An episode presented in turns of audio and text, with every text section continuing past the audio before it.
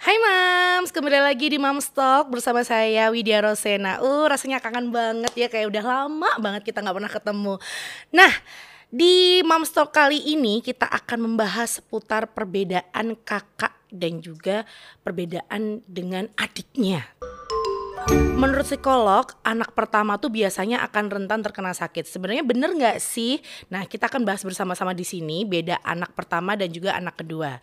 Menurut Fatimahi Salsabila SPSI, anak pertama punya sifat yang ambisius dan bertanggung jawab dibanding anak kedua. Dan secara medis, anak pertama rentan terkena penyakit karena daya tahan tubuhnya yang lemah, sehingga minimal cenderung uh, mudah diserang penyakit alergi hmm, bener atau enggak sebagai saya seorang ibu anak dua, jujur anak saya itu kan masih kecil-kecil ya, masih yang usia uh, yang satu nanti bulan September itu umur 4 tahun, terus anak kedua itu masih berusia sekitar ya 9 bulan.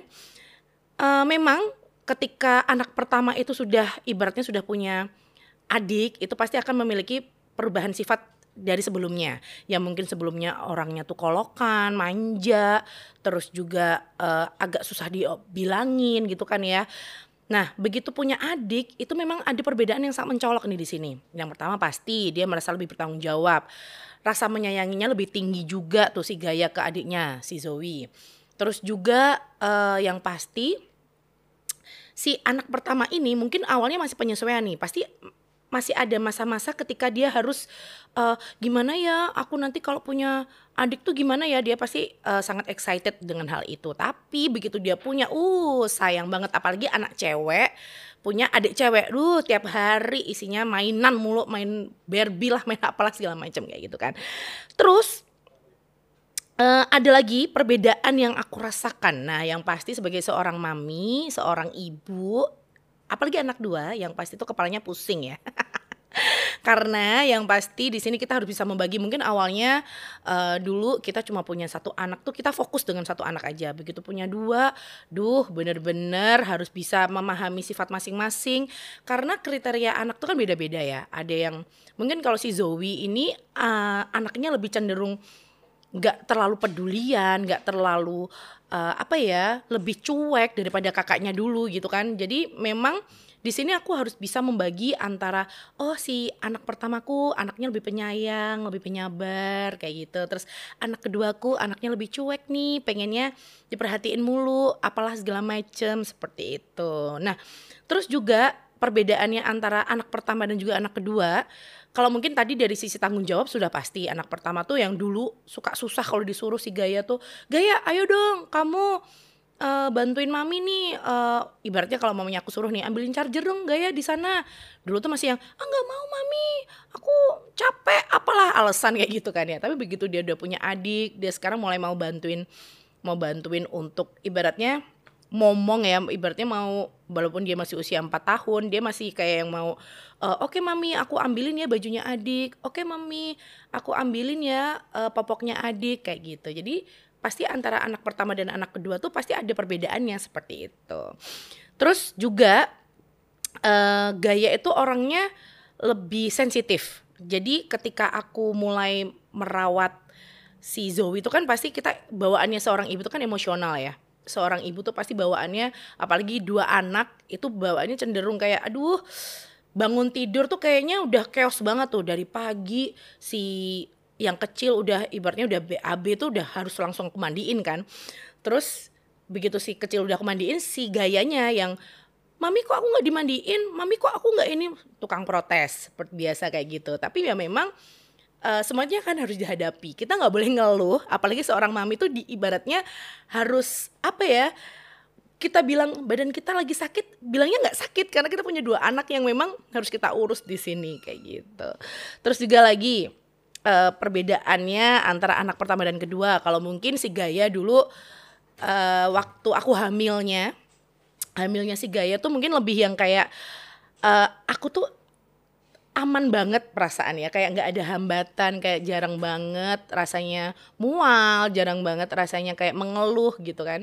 Tapi begitu anak kedua rasanya hmm luar biasa mams. Itu jadi waktu hamil gaya aku tuh nggak pernah merasakan yang namanya uh, morning sick, nggak pernah yang merasakan namanya ngidam, nggak pernah yang merasakan uh, nanti nanti uh, pengen makan ini nih, pengen makan itu nggak pernah sih waktu anak pertama. Tapi begitu udah masuk uh, hamil si Zoe anak kedua, rasanya luar biasa. Seperti aku tidak bisa diungkapkan dengan kata-kata karena aku hampir selama 9 bulan itu aku bener-bener setiap hari tuh morning sick dan gak hanya morning sick aja itu tuh aku mual setiap saat sehingga aku tuh harus minum obat yang uh, harus aku konsumsi supaya aku tuh nggak mual terus di setiap waktu. Terus juga sensitif banget dengan bau-bau yang menyengat dan lain sebagainya. Terus begitu udah lahirannya waktu si Gaya itu aku sama sekali kayak nggak merasakan yang namanya sakit. Ya walaupun sakit tapi kan kayak sakit sedikit aja gitu kan. Terus begitu lahiran si Zoe beh hmm ini nih. Ini kayak puncak sakitku selama aku hidup itu waktu ngelahirin Zoe. Jadi memang kayak perbedaan tuh pasti ada antara anak pertama dan juga anak kedua. Begitu pula dengan kalau tadi sudah karakter sifat mungkin uh, karakter kulit ya. Karakter kulit dari gaya itu tuh memang uh, dari kecil dia memang kayak gak yang sensitif menurut aku. Jadi waktu kecil kan apalagi kita sebagai ibu anak pertama yang punya anak pertama itu pasti sudah prepare tuh. Kayak krim buat ruam, krim buat nanti kalau anak uh, kena apa gigitan nyamuk lah segala macam. Itu sudah aku siapkan berbagai macam krim. Tapi ternyata nggak kepake karena karena ternyata kulitnya si Gaya itu tuh tipe yang nggak terlalu sensitif. Begitu anak kedua aku tuh kan uh, jadi kayak preparationnya kayak ah ya udahlah anak pertama dulu aman-aman aja kok. Anak kedua pasti aku bisa. Tapi ternyata nggak semudah itu mams. Jadi waktu anak kedua si Zoe itu lebih sensitif banget. Jadi dia kayak uh, kena nyamuk aja itu bisa kayak merah-merah itu bisa sepipi semuanya jadi sangat sensitif banget dan harus membutuhkan perawatan khusus bahkan sampai sabun mandinya tuh juga harus yang khusus gitu loh. Karena memang uh, kalau mungkin ada ya sabun yang khusus buat eczema. Sebenarnya uh, si Zoe ini tidak mengarah ke eczema sih sebenarnya, tapi memang sabunnya untuk perawatannya sama dengan eczema gitu kan. Jadi lebih mahal pasti, lebih banyak variannya pasti. Jadi memang kita tidak bisa menyamaratakan, oh dulu anak pertamaku aman-aman aja kok begitu anak kedua aduh mulai pusing rasanya. Nah terus juga ada lagi nih anak pertama si Gaya apakah dapat perlakuan yang istimewa dibanding Zoe? Jadi kalau sekarang ini kalau istimewanya pasti kita lebih mengistimewakan si kecil ya si Zoe karena dia pasti membutuhkan uh, perhatian yang lebih, membutuhkan membutuhkan kasih sayang yang lebih. Karena kan posisi memang masih kecil ya, masih umur 9 bulan, masih belum belum bisa apa-apa ibaratnya kayak gitu. Nah, ini pasti menjadi faktor kecemburuan utama antara Gaya ke Zoe. Karena apa? Kalau uh, aku mulai fokus ke Zoe. Zoe mulai aku gendongin dari kecil tidur sama aku. Si Gaya ini walaupun orangnya kan sensitif ya, sensitif dalam arti perasaannya perasaannya tuh sensitif banget. Jadi setiap kali aku kelihatan sayang gendongin si Zoe gitu tuh si Gaya mulai mami aku juga mau dong digendong. Nah jadi mau nggak mau nih sebagai ibu anak dua harus siap nih gendong dua anak kanan kiri. Udah tuh itu faktor gendong ya. Terus berikutnya faktor tidur. Yang awalnya mungkin gaya biasanya kalau tidur kan di dadaku kan. Jadi dia tuh kebiasaan tidur tengkurap di dada gitu kan. Jadi kayak yang uh, tempat ternyaman dia tuh di dadaku gitu kan tidur. Tapi begitu aku punya Zoe, otomatis kan aku nggak bisa tuh kayak uh, si Gaya pengen tidur sini kan nggak bisa karena kan aku harus nenenin kalau malam. Nah ini jadi faktor permasalahan juga. Jadi ketika awal-awal punya dua anak itu adalah masa-masa terberat ketika malam karena harus berebut tempat tidur. Dan sampai sekarang pun itu kayak nggak ada solusinya sih sebenarnya. Dan akhirnya aku uh, berinisiatif si Zoe mulai aku tidurin di box dan si Gaya mulai uh, balik lagi tidur di dadaku gitu loh. Jadi memang uh, kita mau bilang apakah Gaya sebagai anak pertama tuh dapat perlakuan yang lebih istimewa pasti juga. Tapi si Zoe pun juga dapat perhatian yang istimewa juga. Jadi sama-sama sih kalau menurut aku gitu. Terus uh, kita flashback sedikit ya waktu aku kecil. Apakah orang tuaku dulu memberikan treatment yang sama ke anak-anaknya? Mungkin tidak sama ya karena kakakku kan cowok sedangkan aku cewek. Terus uh, waktu kecil bapakku tuh adalah orang yang sangat keras gitu. Jadi bapakku tuh kayak mendisiplin mendisiplinkan kakakku tuh dengan sangat luar biasa dari kecil. Jadi bahkan dari umur SD kalau nggak salah umur SD itu sudah dibiasakan dengan Uh, karena sudah dididik untuk oh nanti kamu gede harus jadi polisi ya bla bla bla kayak gitu. Jadi kakakku tuh kayak lebih banyak dapat pressure dari kecil karena dia di push untuk meraih impiannya kayak gitu kan. Jadi kayak mulai uh, bangun pagi itu jam 5 pagi harus udah lari pagi harus udah uh, mendisiplinkan waktu lah intinya dari kecil sedangkan aku tidak pernah karena aku adalah anak istimewa jadi memang uh, perbedaannya sangat mencolok apalagi begitu kita sudah besar itu sangat terlihat. Nah, dan hal positif yang bisa diambil dari hal tersebut menurut aku memang ketika kakakku tuh didisiplinkan dari kecil itu terbawa sampai besar. Jadi memang kita tidak bisa menyalahkan oh dulu dia kasihan ya. Mungkin parenting sekarang ada yang bilang gini, e, jangan pernah namanya kita ngepus anak. Jangan pernah namanya kita uh, memaksa anak untuk melakukan sesuatu. Padahal sebenarnya ketika orang tua melakukan itu bukan berarti kita mengarahkan itu untuk hal yang buruk. Pasti semua untuk kebaikan seperti itu kan. Jadi ya menurut aku sih tidak ada salahnya mendisiplinkan anak, tapi mungkin memang caranya dan juga dengan cara bicara yang keras. Ya seperti itu mungkin sudah uh, orang tua kita dulu pasti nyuruhnya anak dengan bentak-bentak, dengan marah-marah. Nah, mungkin parenting yang sekarang ini kita harus yang lebih legowo, lebih tenang menghadapi anak, lebih santai menghadapi anak, bukan dengan cara kekerasan seperti itu kan. Terus ada lagi yang uh, apakah juga akan diterapkan ke anak-anakku untuk mengambil beberapa yang masih relevan di era sekarang pasti. Apalagi menurut aku uh, ajaran-ajaran dari orang tua aku tuh uh, aku sendiri tidak pernah menyalahkan itu ajaran yang buruk ya. Seperti mendisiplinkan anak dengan bangun pagi harus jam 5 pagi. Uh, mungkin sebelumnya udah sebulan terus tidur lagi.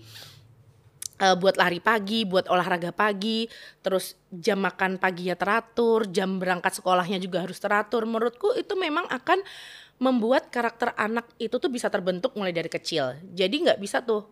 Dan itu mulai kerasa ketika kita mulai masuk jenjang uh, karir, jenjang kerja itu tuh mulai kelihatan banget. Oh, ini pasti dulu orang tuanya uh, jarang mendisiplinkan, jarang bangunin anak untuk bangun pagi segala macam. Karena kebiasaan memang kayak teman-temanku ya, aku merasakan ketika aku adalah seorang morning person, aku tuh yang kalau event berangkat tuh jam 5 pagi, sedangkan teman-temanku tuh kadang ada yang masih baru bangun jam 7 pagi, jam 8 pagi baru bangun, padahal sudah di alarm, udah diteleponin dan lain sebagainya. Nah, menurutku itu adalah uh, sisi positif yang bisa aku terapkan ke anak-anakku nanti dengan cara mereka mengatur waktunya dan itu nanti pasti akan mengefek ketika mereka masuk ke jenjang karir seperti itu. Terus lagi nih, uh, apakah aku dulu dapat masukan dari orang-orang sekitar yang sudah berhasil dengan cara yang mereka gunakan? Ada juga nih ya, uh, aku mau cerita sedikit. Ada tipe karakter orang tua yang memang menerapkan sistem kekerasan ke anaknya. Saya tidak menyalahkan untuk hal tersebut karena pasti semua orang tuh punya karakter sendiri-sendiri. Dan ketika anak dibentuk kayak gini, dulu aku punya temen yang dia selalu ranking satu di sekolah. Dia selalu uh, pioner. Dia jadi mayoret, dia ranking satu, dia setiap lomba di sekolah tuh pasti juara. Tapi ternyata di balik itu setiap pagi dia selalu uh, diajar. Diajar tuh maksudnya kayak di apa ya di uh, kekerasan ya dipukul kayak gitu dengan orang tuanya. Sebenarnya saya juga tidak menyalahkan. Itu mungkin memang cara cara parentingnya seperti itu.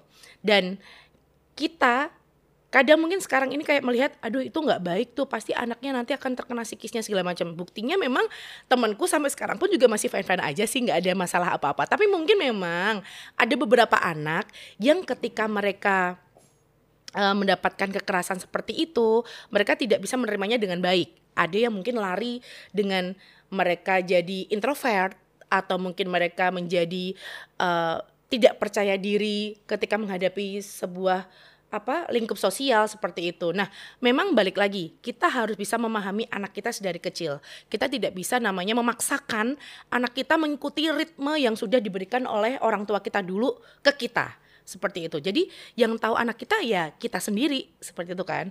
Terus juga um, apalagi ya cara memahami anak ala aku. Nah, itu ini hal ter hal tersulit yang sampai sekarang pun aku pun masih belajar. Jadi Kalau bagi aku cara memahami anak setiap malam tuh aku pasti menyempatkan waktu untuk bisa uh, berbicara berdua dengan Gaya atau juga aku menyempatkan waktu untuk bisa intinya dalam satu hari 24 jam itu paling enggak satu atau dua jam aku bener-bener intens ngobrol sama Gaya.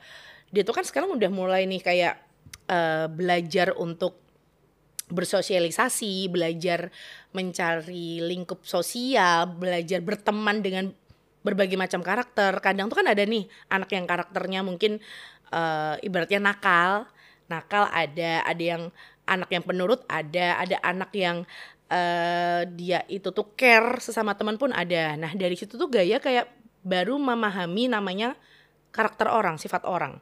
Dari situ pasti aku akan uh, menerapkan ke gaya. Kak, tadi kamu main sama siapa? Sama si A, kayak gitu. Terus gimana? Si A baik nggak? Si A gini mami, tadi itu mainanku direbut. Aku tuh sedih, makanya aku pulang ke rumah. Nah dari situ kan Gaya bisa belajar karakter. Aku selalu ngomong ke dia, usahakan dengan semua orang tuh berbuat dengan berbuat baik kak. Ketika kamu dijahatin sebisa mungkin kamu juga tidak membalas. Tapi mami aku gini gini nah itu adalah manfaat manfaat sharing bersama dengan anak. Manfaat kita bisa uh, heart to heart ibaratnya seperti itu dan kita bisa memahami karakter anak. Kalau aku lihat memang dari kecil Gaya itu tuh orang yang sangat sensitif. Dia tuh paling nggak bisa namanya dijahatin. Ibaratnya dijahatin tuh kayak gini.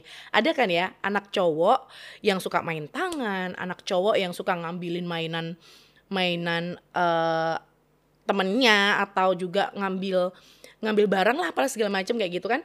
Nah Gaya tuh paling nggak bisa digituin. Gaya tuh paling yang uh, kalau sudah di sudah sudah dijahatin ibaratnya gitu, dia pasti langsung lari pulang ke rumah nangis kayak gitu. Dia tuh nggak bisa ngelawan. Beda dengan Zoe ya, dia dari kecil bisa yang kayak oh, ya mungkin refleksnya dia yang tadinya anaknya cuek, anak yang cenderung cenderung apa ya kalau si Zoe itu cenderung bukan kasar sih dia dia tuh berani melawan kayak gitu mamanya nih si kakak ngambil mainan dia si Zoe pasti kayak udah wah wah gitu dia udah teriak-teriak dia tuh harus uh, ngambil yang punya hak dia gitu loh. Jadi memang karakter anak dari sini dari sini tuh pun terlihat. Nah, jadi seperti itu Mams. Menurutku cara bagaimana kita bisa uh, heart to heart dengan anak, kita bisa memahami uh, anak dan yang pasti ketika kita punya anak kita pun juga harus sambil belajar. Kita nggak bisa namanya uh, sekali lagi memaksakan apa yang kita mau ke anak kita. Tapi paling enggak kita bisa mengarahkan anak kita tuh mau ke arah mana. Kita itu bisa mengarahkan hal-hal yang baik untuk anak kita dan nggak mungkin dong namanya orang tua kita mengajarkan, "Hello, kamu besok harus jahat, kamu besok sama temanmu harus gini-gini bla bla bla." Kan nggak mungkin. Jadi sebisa mungkin kita sebagai orang tua bisa lebih aware juga dengan perbedaan tiap anak. Kita nggak bisa namanya memaksa anak karakter anak pertama harus sama dengan karakter anak kedua tuh nggak nggak bisa. Dan juga uh, mereka pun juga harus merdeka dari jajahan pola pikir bahwa setiap anak punya problem dan juga penyelesaian yang sama. Aduh, topik hari ini tuh bikin pengen pulang rumah rasanya. Karena pengen buruan peluk anakku dua-duanya. Karena memang rasanya ketika menjadi seorang ibu bawaannya aduh kalau udah kerja pengen pulang begitu pulang rasanya pusing pengen kerja lagi nggak ada habisnya pokoknya Duh, itu deh ya mamsia dan jangan lupa juga uh, setiap anak terlahir berbeda-beda penanganannya penanganannya pun setiap anak juga berbeda dan itu sesuai juga dengan campaign-nya Doodle bulan ini Celebrate the Difference. Nah, sekian um, Mamstok kita hari ini. Kita bertemu lagi di Mamstok berikutnya. Bye bye Mams.